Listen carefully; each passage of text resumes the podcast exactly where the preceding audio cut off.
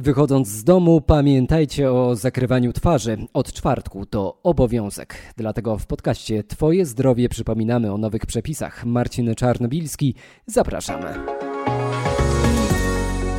Za każdym razem, gdy znajdziemy się w miejscu publicznym, musimy czymś zakryć nos i usta. Ma to ograniczyć rozprzestrzenianie się koronawirusa, mówi Joanna Narożniak z Mazowieckiej Inspekcji Sanitarnej.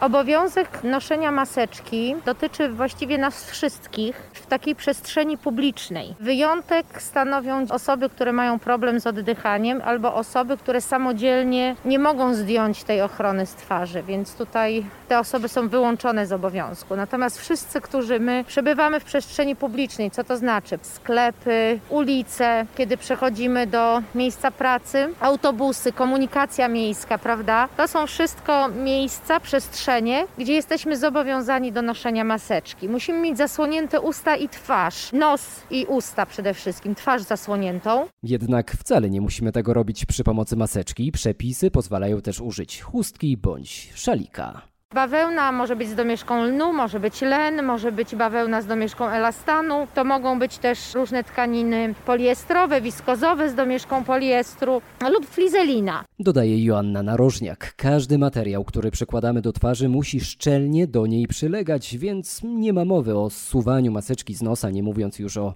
podwijaniu jej pod brodę, gdy chcemy coś przekąsić na przykład. Jak długo możemy w niej chodzić? Wyjaśnia lekarz Roman Kolek. Używane są najczęściej maseczki jednorazowe.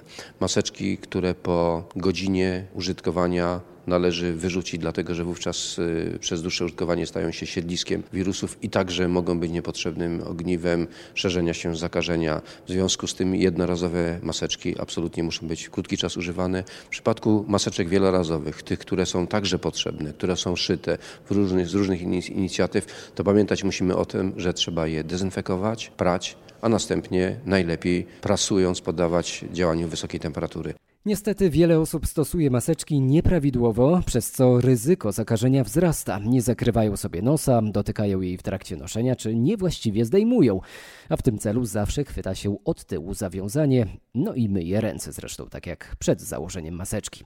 Na koniec uwaga rodzice, dzieci do czwartego roku życia nie muszą mieć zakrytej twarzy.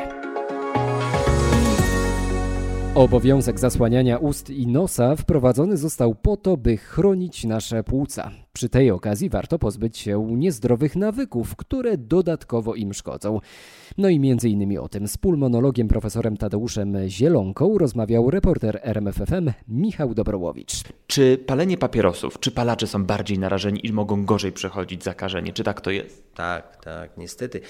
My od dawna e, mówiliśmy o szkodliwości palenia w różnych aspektach. Jednym z aspektów, e, który był podkreślany, to jest większa podatność na infekcje. E, e, to wynika z tego, że mm, palenie powoduje przebudowę struktury i nabłonek oddechowy ma, jest inaczej zbudowany.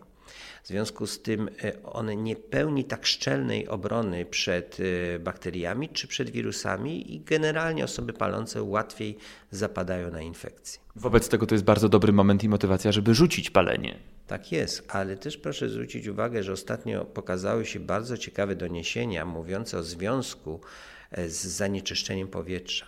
Bo te zanieczyszczenia powietrza, które tak bardzo w Polsce były ostatnio podkreślane, są tak samo czynnikiem uszkadzającym e, nabłonek dróg oddechowych i sprzyjającym infekcjom. To nieprzypadkowo w okresie grzewczym mieliśmy zawsze infekcje.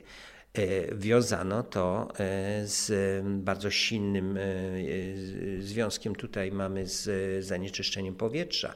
I, I, proszę zwrócić uwagę, że nieprzypadkowo mówi się, iż w Lombardii, czyli najbardziej zanieczyszczonym regionie Włoch, doszło do tak dużej liczby zachorowań we Włoszech i snuje się w tej chwili domysły o związku również z zanieczyszczeniem powietrza, bo było to w okresie, kiedy mieliśmy większe stężenia powietrza i w regionach, w którym to stężenie było większe.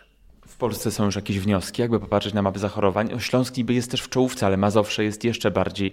Lubuskie ma najmniej zachorowań. Pytanie, czy tam jest powietrze najczystsze? Chyba nie, prawda? To bardziej Nie, ale te rzeczy ja raczej bym wiązał z liczebnością populacji. W Polsce to dość silnie jest powiązane z populacjami. I Polska ma inny obraz epidemiologiczny w, mojej ocenie, dlatego że nie ma takich ewidentnych centrów, tak jak to było we Włoszech, tak jak to było w Hiszpanii, gdzie dominował Madryt, Barcelona ze znacznie mniejszym gdzie indziej rozpowszechnieniem. W Polsce to się dość wyraźnie wiąże z, z populacją, z wielkością populacji w przeliczeniu na powierzchnię. Mówił pulmonolog profesor Tadeusz Zielonka.